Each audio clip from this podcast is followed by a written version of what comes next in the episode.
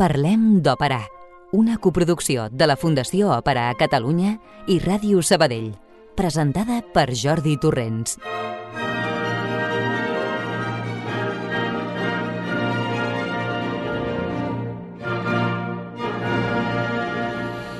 Bona nit, estimades, estimats. Això és el que us haig de dir ara. Bona nit.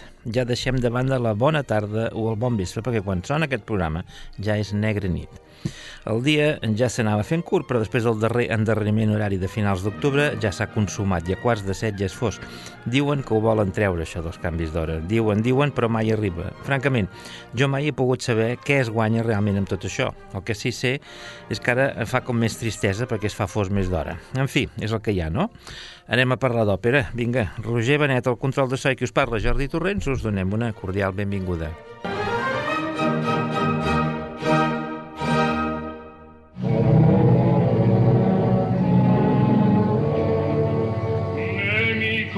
mia patria. E vecchia fiaba che beatamente ancora vede il popolo nato a Costantinopoli straniero studio a sensir soldato traditore. Vede morire un complice e poeta sovvertitor di cuori e di costumi.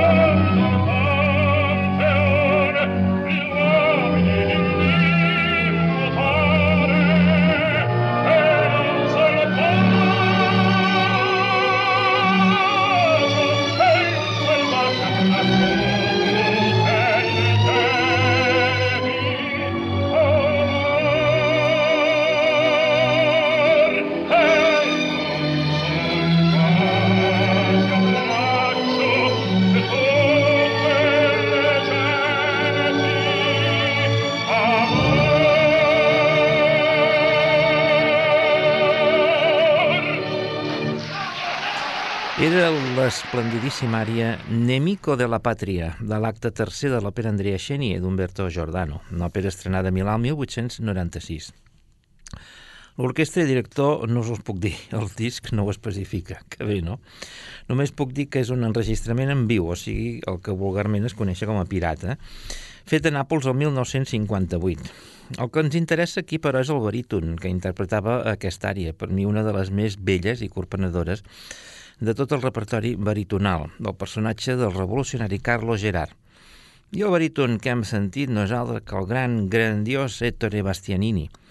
A la meva modesta opinió, tan vàlida com la de qualsevol altre que pensi el contrari, el millor baríton del segle XX, de carrera tan curta com gloriosa. Si més no, és el meu baríton preferit sobre qualsevol altre. Una veu bellíssima, que adoro, i avui, amics i amigues oients, dedicarem el nostre programa a Ettore Bastianini amb l'excusa del centenari del seu naixement que es compleix, fou el setembre, aquest any de 2022. Parlem d'òpera, no podia deixar de commemorar l'esdeveniment abans del final d'any. Parlem d'òpera.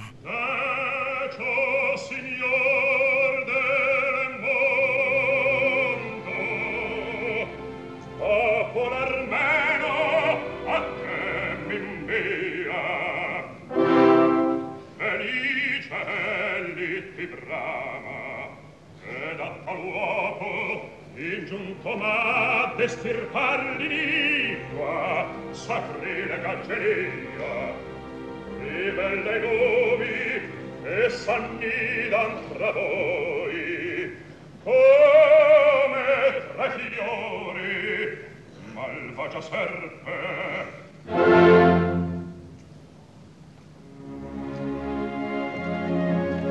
In breve ti rivedrò mi aspetta mi scuote ed un palpitar frequente. La tua dolce presenza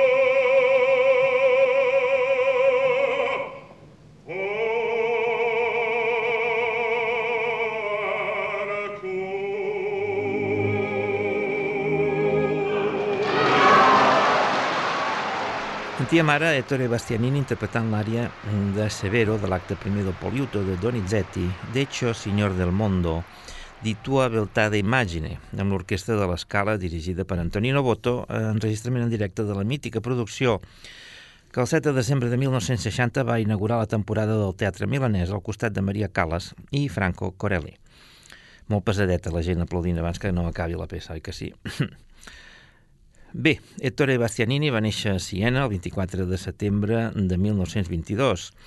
De família humil no va conèixer el seu pare, per de jovenet treballant com a aprenent en una pastisseria, l'amo de la qual era un melòmen. Aquest va notar el seu talent vocal i el va encoratjar cantant al cor de la catedral, on va cantar de baix en les misses i oficis religiosos. La família Ammanati li va oferir suport i les primeres lliçons de cant que va seguir amb la senyora Fàtima Ammanati, gràcies a la qual va debutar el 1940 en una sèrie de concerts a Siena i voltants, cantant en la corda de baix, veu amb la que desenvoluparia els primers anys de la seva carrera.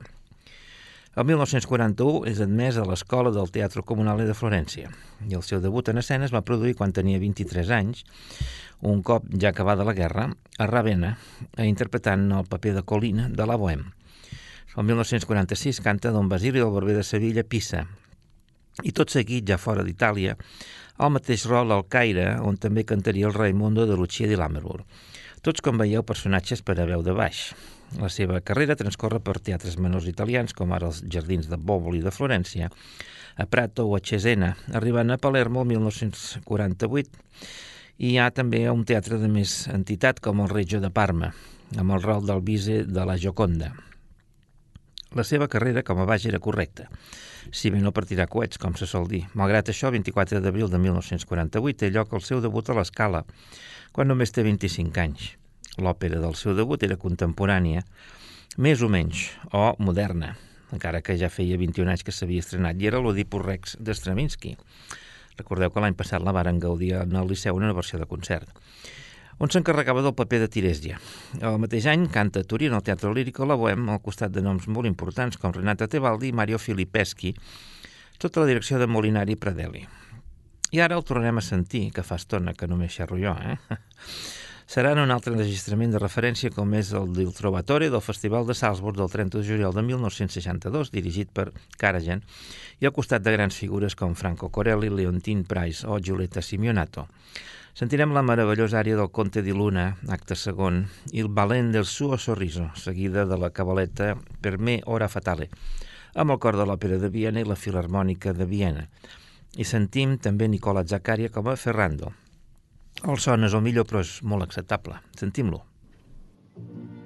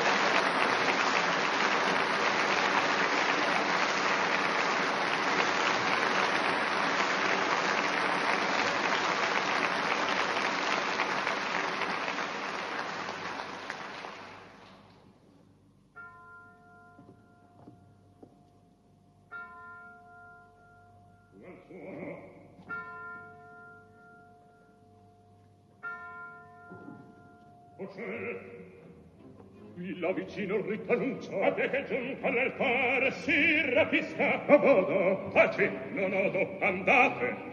Di que faggi all'ombra celatevi. A fra poco mia ti verrà tutto m'investe un po'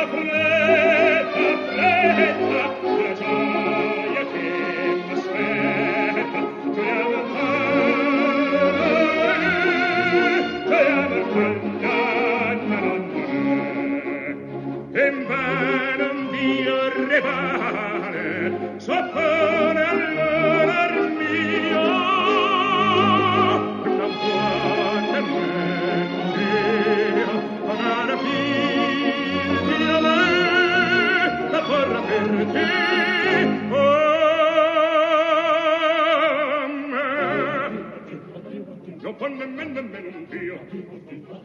Per per chiamarla per chiamarla no no no per chiamarla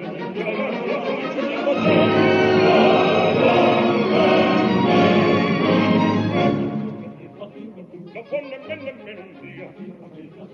La per chiamarla per chiamarla no no no può la per chiamarla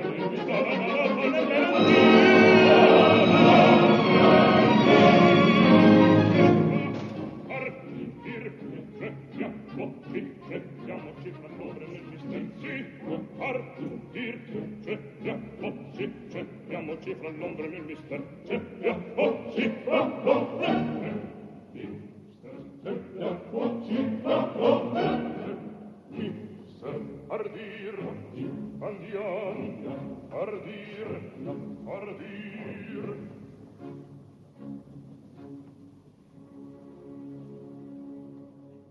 A finals de 1948, els dies 21, 23 i 26 de desembre, Bastianini va debutar al Liceu en unes funcions del tríptico de Puccini, assumint dos rols menors, Il Talpa, eh, Il Tabarro i Simone Janischichi.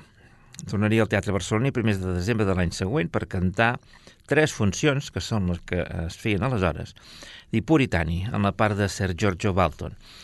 No va tornar més al Teatre de les Rambles i, com veieu, no hi va cantar mai com a baríton. Curiós que una figura com ell no vingués en una època en què venien tots els grans a Barcelona en un moment o altre. El 1949 canta de nou a Egipte amb Aida, Barbieri i Trovatore, i també més lluny a Caracas, en el que suposà el seu debut a Sud-amèrica i en tota Amèrica, de fet. A la capital de Venezuela el van sentir amb Aida, Bohem i Lucia. Els primers mesos de 1950 l'agafen un cop més a Egipte afegint noves òperes al repertori com ara Mignon i Sansoni Dalila. Poc després canta el conte Rodolfo de la Sonàmbula, el regió de Parma, i octubre d'aquell any canta un rol molt diferent al de tot el repertori que ha interpretat fins aleshores, que és el de Mica a la núvia venuda d'Esmet anant al Teatre Alfieri de Turí. Suposo que ha cantat en italià, com es feia en aquella època. I la primavera de 1951 torna al Cairo on afegeix el rol de Gualtiero del Guglielmo Tell al seu repertori. I ara us proposo una estona llarga de música, més d'11 minuts, una esplèndida escena, la segona de l'acte tercer de la Forza del Destino, de Verdi, on hi trobem dues peces memorables. Primer el duo entre Don Alvaro, el tenor, i Don Carlo, el baríton, Solenne in Questora. Després la gran escena de Don Carlo, composta per recitatiu Morir tremenda cosa, ària Urna fatal del mio destin i Cabaletta e salvo e salvo o gioia. Cantant la part de Don Alvaro sentirem el gran Mario del Mónaco. L'orquestra és la de l'Acadèmia de Santa Cecilia de Roma i el director Francesco Molinari Pradelli. Un enregistrament mm, d'estudi de l'any 1959. Per mi, quelcom sublim i impossible de sentir avui en dia per manca tant de tenors com de barítons d'aquesta categoria.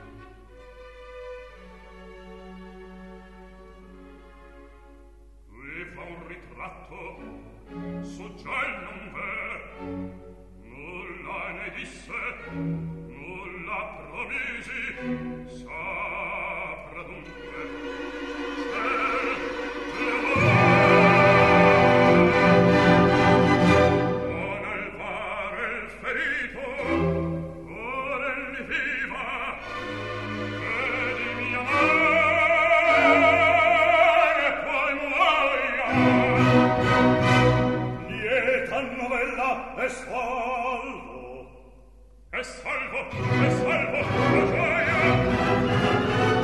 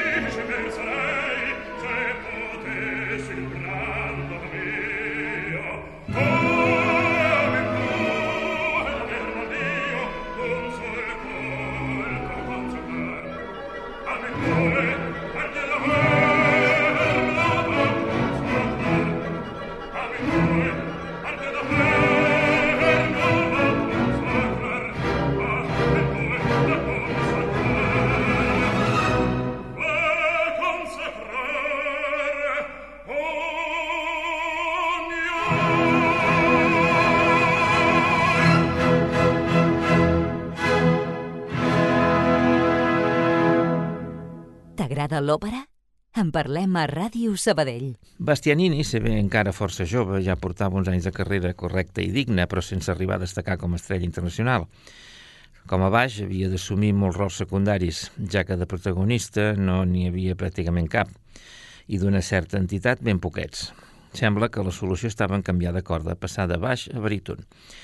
Va tenir la fortuna de trobar a Turí un mestre de nom Luciano Vettarini, amb qui va estudiar, a costa de grans sacrificis, deixant l'escena durant set mesos, per tal de fer aquesta transformació.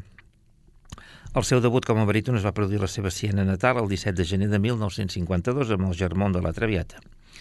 El resultat no fou pas exitós i torna a deixar els escenaris durant un breu període per tal d'exercitar intensivament la seva veu, sobretot per assegurar el seu registre agut i així torna a actuar a Siena unes setmanes més tard a Rigoletto, aquest cop sí amb èxit. Al setembre de 1952 intervé a l'estrena absoluta de l'òpera Arsa del Giglio, del compositor italià Giuseppe Petri a la ciutat de Portoferraio, a l'illa d'Elba. La confirmació definitiva com a baríton té lloc a finals de 1952 a Florència, quan canta el rol del príncep Bieletsky a la Dama de Piques. Al gener de 1953 debuta la part d'Enrico de Lucia di Lammermoor de nou a Florència cantant al costat de Maria Callas. El rol d'Edgardo se'l repartien dos tenors de llegenda, el ja maduríssim Giacomo Lauri Volpi i el jove Giuseppe Di Stefano. En el Teatre Carlo Felice de Gènova intervindria a Capriccio de Strauss i a Florència Guerra i Pau de Prokofiev. Com veieu, el repertori de Bastianini no es limitava a lo més comú de les òperes italianes, sinó que era ampli i comprenia altres escoles operístiques, especialment la russa, de la qual va cantar una diversitat de papers. Però està clar, el moll de l'os era el gran repertori italià, amb un especial èmfasi en Verdi, arribant a ser considerat com un gran baríton verdià. Durant aquells anys debuta els papers baritonals d'Aida, La Forza del Destino, Andrea Chenier, Bohem, Don Carlo, etc. Va quedar clar que el pas de baix a baríton va suposar la definitiva plataforma de llançament d'aquest artista.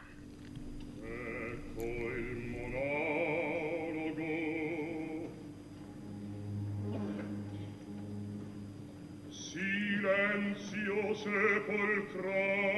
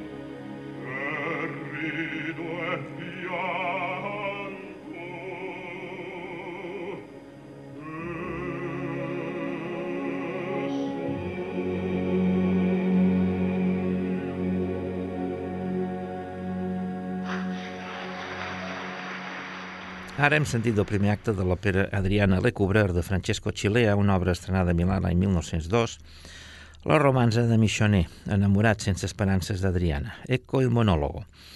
Una altra presa en viu d'una també, també molt recordada representació que va tenir lloc en el Teatre San Carlo de Nàpols el 28 de novembre de 1959, on al costat de Bastianini trobem altres monstres sagrats com Magda Olivero, Giulietta Simeonato i Franco Corelli.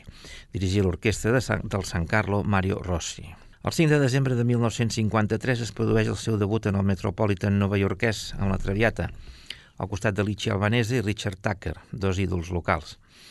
El gener següent repetiria en aquest important teatre com Enrico de la Donizettiana Lucci amb Lili Pons i Jean Pierce i el 10 de maig de 1954 debuta finalment com a baríton a l'escala com a protagonista de Yevgeny Onegin de Tchaikovsky, sent Tatiana la gran Renata Tebaldi. El mateix any debuta a la Fenice amb Lucci al costat de la Cales i incorpora el rol de Tanaele de la Thais de Massenet a Trieste o Mazzepa de Tchaikovsky a Florència. Al novembre torna al Met, amb Traviata i d'Andrea Chenier, seguits al 1955 per Bohemi Don Carlo.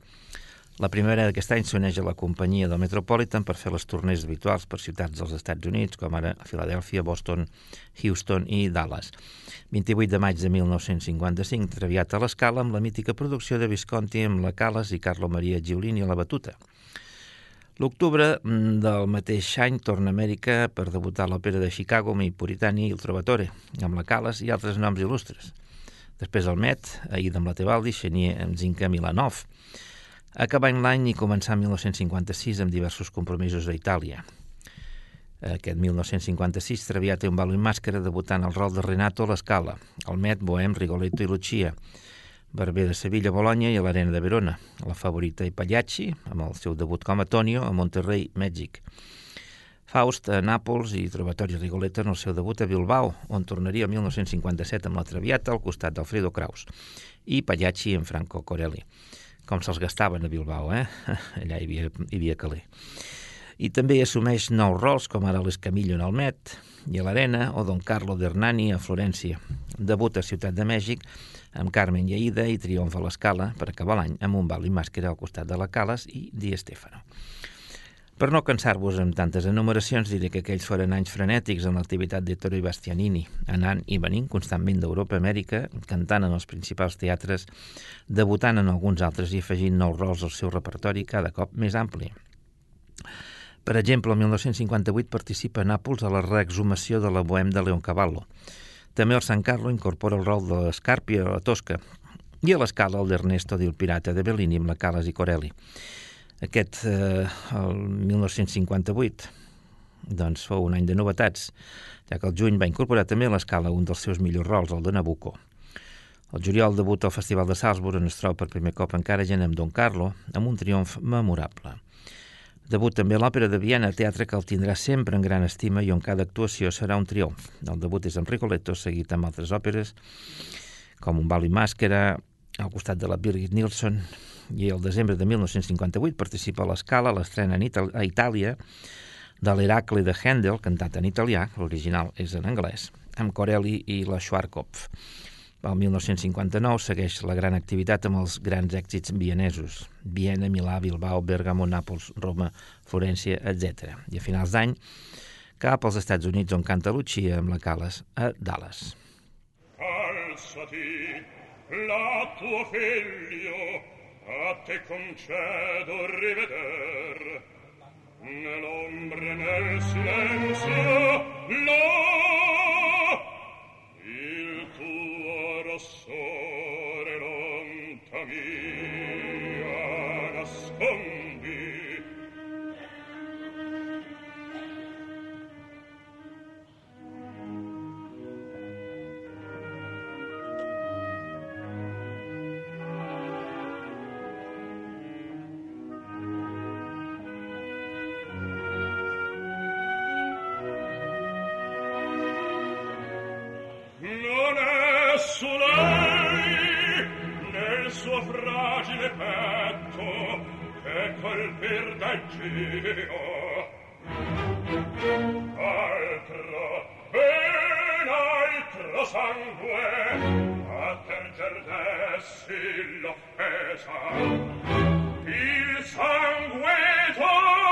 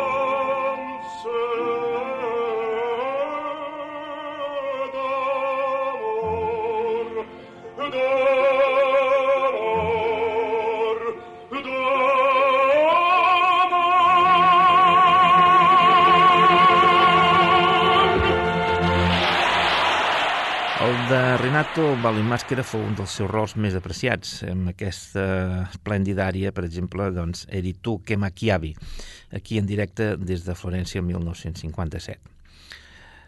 La dècada dels 60 s'inicia amb un cantant encara molt jove, de només 37 anys, cantant a l'Escala, on el 7 de desembre participarà en la mítica producció de Poliuto, que significava el retorn de la Cales al teatre després de dos anys d'absència, que hem sentit abans. Uh, el Met, a l'Arena, però sobretot a Viena, on era un veritable ídol i hi va cantar 32 mm, funcions durant el 1960. A 1961, si fa o no fa, transcorre igual, però cal ressenyar el seu debut a Berlín amb el Trovatori la seva estada a Amèrica la tardor hivern a San Francisco, Los Angeles i Dallas. 7 de desembre torna a l'escala per inaugurar temporada amb la batalla di Legnano de Verdi amb Corelli i Antonieta Stella. El 1962 debuta a Covent Garden amb un bal i màscara, però aviat comença a patir els primers símptomes de la fatal malaltia que estroncaria la seva vida eh, i carrera massa aviat. La malaltia li comença a provocar irregularitats en el seu cant i així l'abril és xiulat a l'escala en un rigoletto. A Viena, però, mai fou protestat, al contrari. A finals d'any torna a Amèrica per cantar a San Francisco, Los Angeles i Chicago i acaba inaugurant un cop més la temporada a l'escala Mil Trovatore. El teatre milanès es reconcilia amb ell i el 17 de gener de 1963 li és diagnosticat el mal a la seva estimada Viena, un càncer de laringe. Atura la seva activitat durant quatre mesos per prendre sessions de, quimio, de radioteràpia, però segueix absolutament concentrat en la música, amb debut inclòs a Tòquio el mes d'octubre amb Trovatore, amb un gran triomf personal. Al desembre, nova inauguració de l'escala amb Don Carlo, amb Leila Genscher, Martí Talvela i Bruno Prevedi. Serà la seva darrera aparició en el teatre milanès. La seva activitat, obligat per la seva malaltia i el seu tractament, es redueix al màxim i s'atura durant quatre mesos. La veritat és que l'opinió pública desconeixia la seva malaltia i per això tothom trobava inexplicable aquesta actitud en un cantant que fins aquell mateix moment desenvolupava una activitat inesgotable. Parlem del 1964 eh, quan canta un desafortunat trobatori a Prato, i les seves habituals funcions a Viena. I malgrat que a finals d'any debuta la part de Mefistòfeles de la damnació de Faust de Berlioz a Nàpols, les forces comencen a fallar-li, ja que el càncer avança inexorable. En aquella època els tractaments oncològics acabaven sent ineficaços en la seva majoria. I sentint-lo ara un cop més, juvenil i desafiant amb un Figaro especialment energètic al largo al factòtum del Barber de Sevilla. És de l'any 1954 a Alemanya.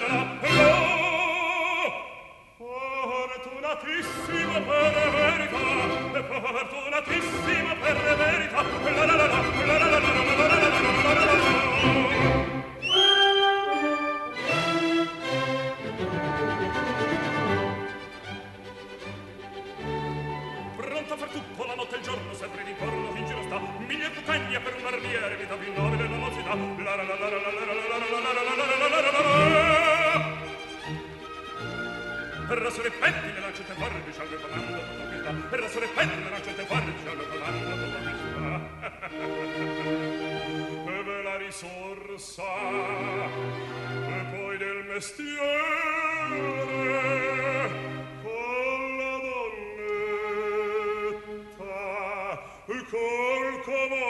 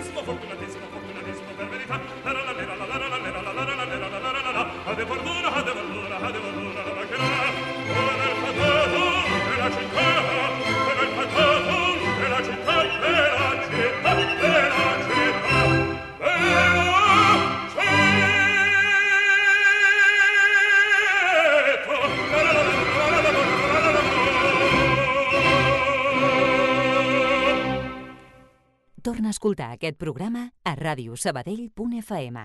L'any 1965 és l'any dels adeus, a Florència amb Tosca, Viena amb Don Carlo, al Japó amb una sèrie de concerts triomfals, a San Francisco i Los Angeles amb Andrea Chenier, del Met amb Tosca i Don Carlo. Però, sempre valent encara, incorpora un nou rol, el de Iago Dotelo, que canta el Caire, escenari de la seva joventut com a baix. I el 1966 fou el darrer any eh, sencer de la vida de Bastianini, passat en silenci i en soledat entre la seva ciutat natal de Viena, on era el capitano de la contrada de la Pantera, ja sabeu, aquells equips que competeixen en la seva cèlebre carrera del Palio, i Sirmione, en el llac de Garda, on mor el 25 de gener de 1967, només tenia 44 anys. Potser una operació li hagués salvat o allargat la vida, però ell es va estimar més un tractament menys invasiu que li permetés seguir cantant, Només després de la seva mort es va conèixer la veritat sobre la seva malaltia. Bastianini no es va casar mai, però el 1945 fou pare d'un fill, a qui va posar el nom de Iago. Va mantenir un lligam sentimental amb Manuela Bianchi Porro, jove ballarina de l'escala, lligam que va tallar en ser-li diagnosticat el càncer. No obstant, la noia el va acompanyar en les seves darreres hores. Fou enterrat a la seva natal Siena amb grans honors de fill il·lustre. I aquest fou, estimats amics i amigues oients, Ettore Bastianini, el meu baríton preferit i més estimat. Ha tingut successors extraordinaris com ara Piero Cappuccilli, ja traspassat, o Renato Brusson, ja retirat. I actualment, per mi, Ludovic Tesí és el millor baríton. Però ara mateix no en conec cap que em pugui agradar més que ell. I aquí acabem per avui. Us convoco puntualment d'aquí a set dies. No falteu. Adéu-siau i fins dijous que ve. Contacta amb nosaltres a òpera arroba radiosabadell.fm.